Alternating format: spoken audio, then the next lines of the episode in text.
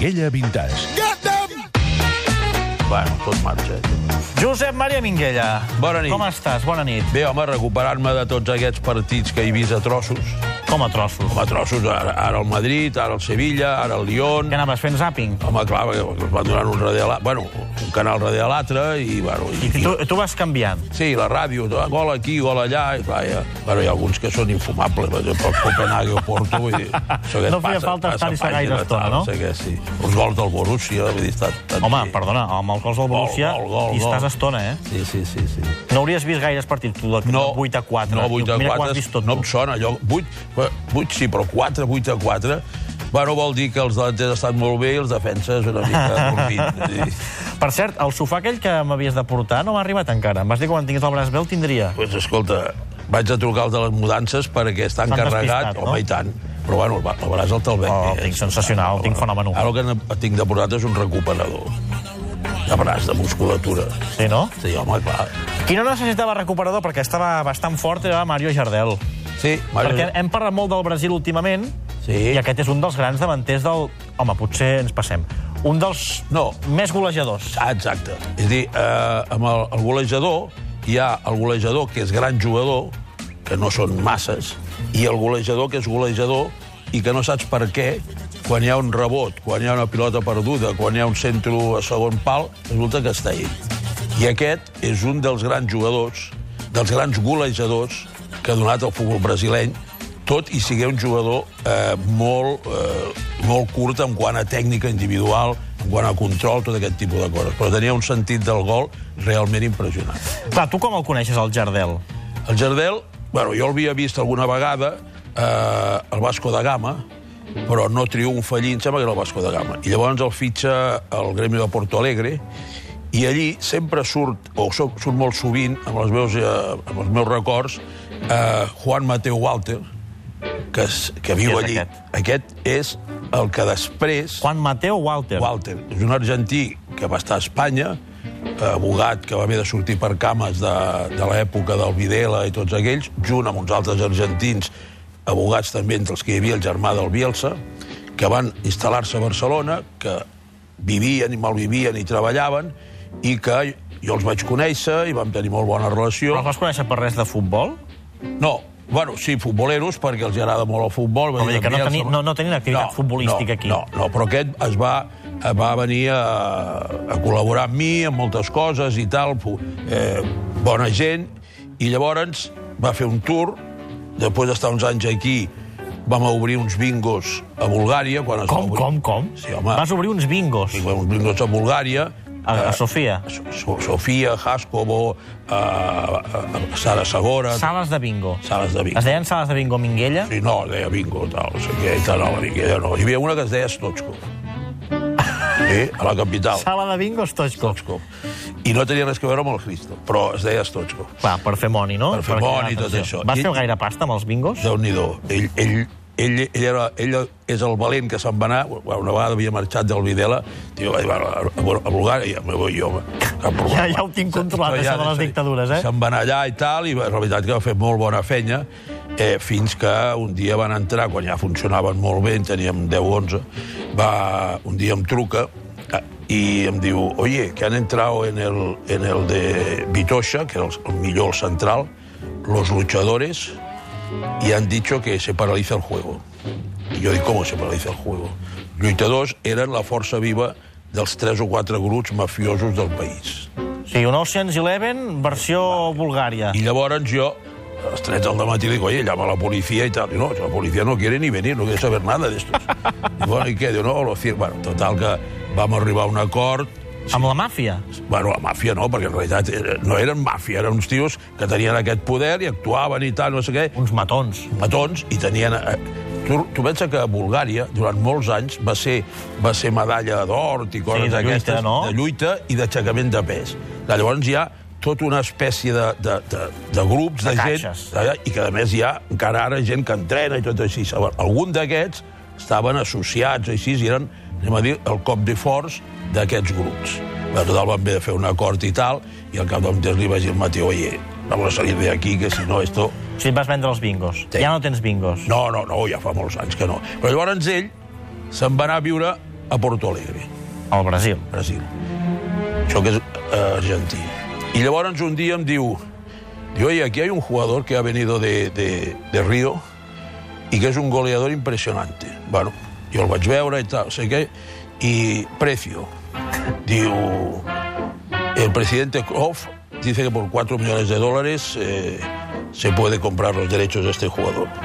I llavors, que jo sàpigui, va ser la primera vegada que algú va comprar drets econòmics d'un jugador de futbol. És a dir, el vas comprar tu.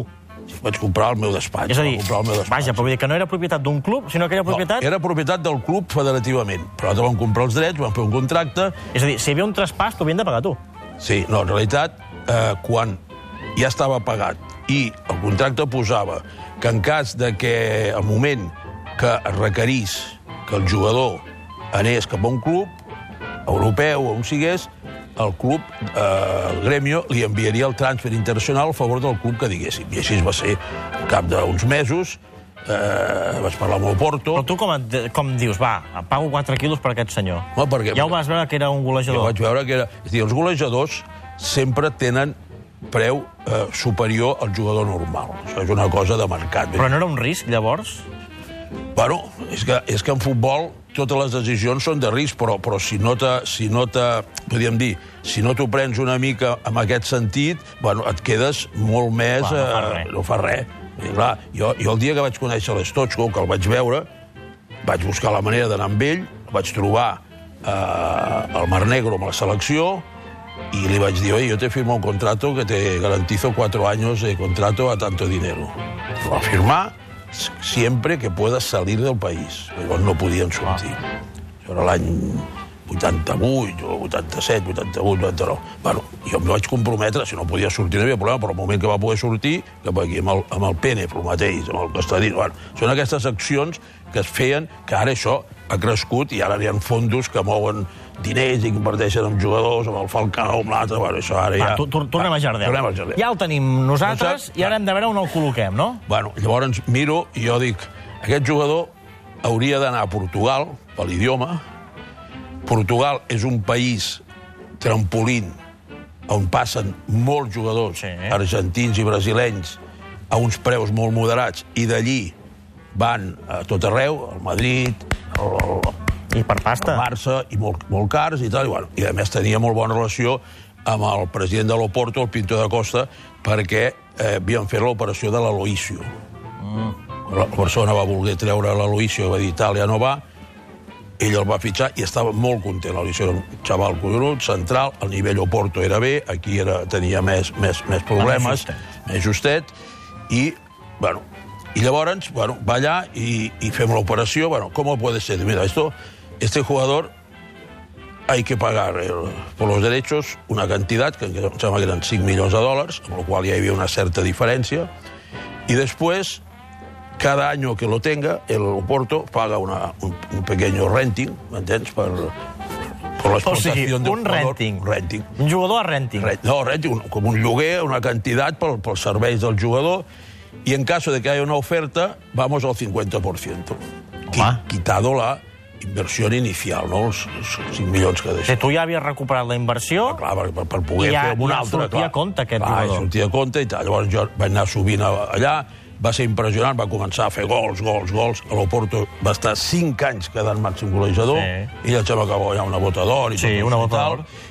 I, i cada estiu sonava pel Barça. bueno, perquè... Això digue'ns la veritat. Eres tu que No. trucaves als diaris i digues, No, no, deies, no. va, Jo- co- col·loquem-lo aquí. Si tu em portes un sol periodista, i mira que tinc relació i amics amb periodistes, que jo li hagi dit promoció amb aquest jugador, No has fet mai? no he fet mai.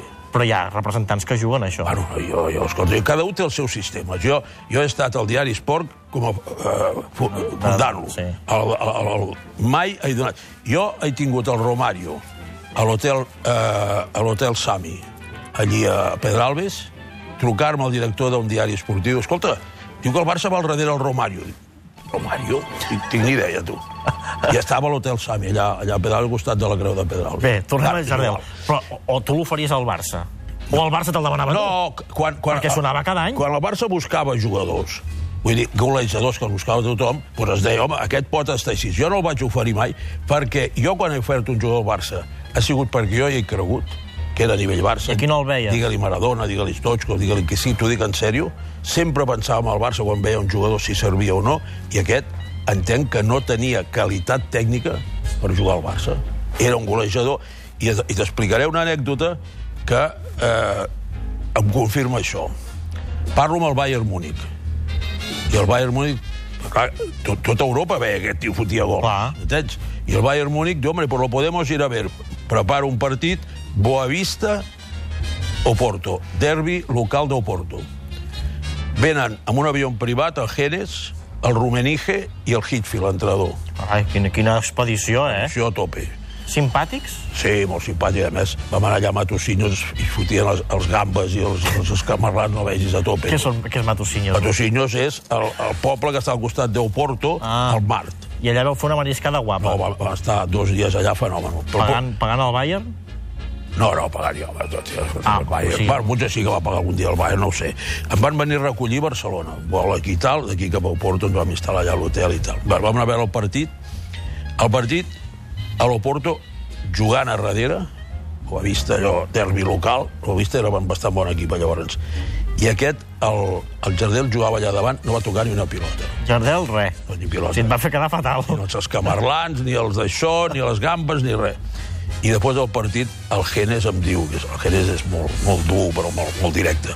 Oye, nunca me ofrezcas más un jugador como este. Uh, es va enfadar una mica i tot. Digo, oye, este es un goleador y puede ir bien, pero si tu crees així, la veritat és que jo dic, amb aquest, amb aquest partit no poden fitxar-lo de cap manera.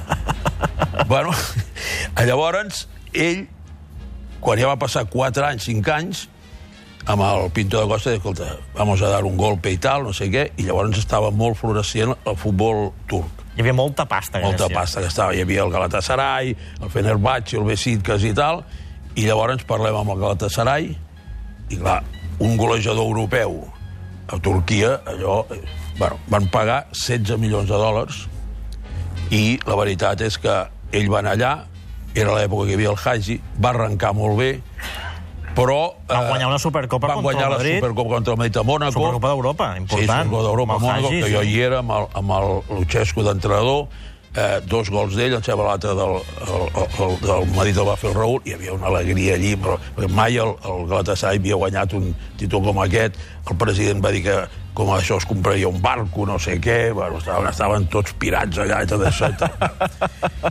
Però, desgraciadament, desgraciadament, aquest noi És una història tri no trista perquè jo crec que acaba bé, però té uns moments tristos. No. D'entrada, ell estava casat, perquè ell era, era un tiparro que se el Robert Mitchum. Ja si el coneixeu, el Robert... Alt, fort, tal, no sé què, cara tipus dur i tot això, encara que era com un nen, m'entens? Però es va casar amb una Miss Brasil, Ui. que era més llarga que la volta ciclista al món. Què vol dir que era molt llarga? No, home, que, que, que el va fer anar per on va voler? Es veia que d'això i tal... Inclús jo, quan, quan van fer el contracte a Galatasaray, li vaig dir, oye, yo creo que tenías que hacer un contrato oficial y podríamos hacer un contrato con una sociedad tuya fuera para que Galatasaray pague el oficial aquí, lo otro fuera y lo otro tal. I Perquè tio, la seva dona no li... perquè jo veia que d'això... Bueno, el tio era tan innocent que li va dir la dona. Yo, oye, Minguella me ha dicho esto. Y el día siguiente ve la dona allá al hotel. Oye, pero tú... No, hombre, que esto es un sistema que no sé què va... Va, va, va acabar, pobret, que... que, que va, Si la dona el va xuclar, Sí, en va, aquest pues, cas. tenien dos o tres fills, es van separar, el típic d'aquests casos, després ell va, no sé, el típic de... Al final què fa? Fa de taxista, potser, no sé, potser fa de taxista, no sé. Sé que viu al Ja Brasil. la pista, eh? Viu al nord de Brasil, però me'n parlen de, realment molt, molt, de, de molt malament i tal, i em sap molt greu perquè era, era, era un xaval fenomen. Però aquests, aquests són els casos de que... I ara, per exemple, el Barça, estic llegint informacions que diuen eh, per, per, per frenar el que és evident i és que el Barça l'Untití li, li va dir el meu fill amb el, amb el Robert i amb l'Albert Soler, escolta, l'Untití és un jugador per fitxar i llavors, i llavors ara fan córrer, que és veritat, que el Barça ja feia 4 o 5 anys que el seguia o que tenia informació. I clar, jo els vaig dir al Barça, escolta'm una cosa, si jo quan a veure, quan jo anava a veure un jugador hagués hagut d'esperar 4 o 5 anys en firmar-lo, quan l'hagués anat a firmar ja no eixiria aquell jugador. Clar, ja hauria vingut avui i se l'haurien dut. Entens? Perquè el, gran, el gran tema amb els jugadors és el que diu si fitxem-lo o no. Anar-lo a veure és dir, diumenge jo vaig al camp i veig 11 jugadors contra 11, ja els he vist, faig un informe. Uno altre, otro el pelo largo, l'altre corre por la derecha, l'altre por la izquierda i tal. Però al final, d'aquests em serveix algun o no? Clar. Aquest, aquesta és la clau. I llavors, amb la nostra feina, lo important, que també t'equivoques, però la nostra feina és dir aquest sí, aquest no. Que és el que vas fer tu amb el Que jardí. el va fer el Jardel i amb altres jugadors, perquè si no et quedes... Tu imagina't que et gastes diners i no acertes. Home, estaries arruïnat. Tens de baixar la, la persiana i No dedicar-te faríem a una altra cosa. Vintage. No faríem Minguella Vintage. Seria molt més avorrit, aquest programa. Però bueno, eh, això del Jardel, la veritat que, que és d'aquells jugadors típics brasilenys, els brasilenys se la rebusquen la majoria a tot arreu, saben guanyar-se el puesto, després tenen la seva part, anem a dir, eh, alguns, de, de falta de professionalitat i tot això, però bueno, això és el que hi ha, tu. Et dic una cosa, això del futbol està una mica avorrit. La setmana que ve podem parlar de cine. De cine? Sí. Has fet de productor de cine? de coproductor i de coses d'aquestes en pel·lícules, entre elles la que jo crec que és la primera pel·lícula catalana en català rodada en l'època del Franco, l'any 65. No em diguis més, perquè la setmana que ve el Minguella més cinematogràfic al Club de la Mitjanit. que m'agrada molt el cine, Serà una secció de pel·lícula. de pel·lícula total. Què et sembla? I estrenada al Cine Coliseum. Home, mira, prop de casa meva jo. Veus? Allà. Va ser un espectacle. Època 65, eh? Època franquista. Setmana que ve et diré els actors i el, eh, Els actors i el sofà, m'has de dir, eh, també? el sofà. El sofà no, no, Per estirar-me Aquesta bé. eh? nit, aquesta nit ara em, preocuparé del sofà. És que passa que estic sol, la meva dona està a Santo Domingo, eh, que sempre va al seu país allà. I clar, llavors això em distorsiona una mica el dia a dia. centra't. Tinc de centrar. Josep Maria Minguella, moltes gràcies.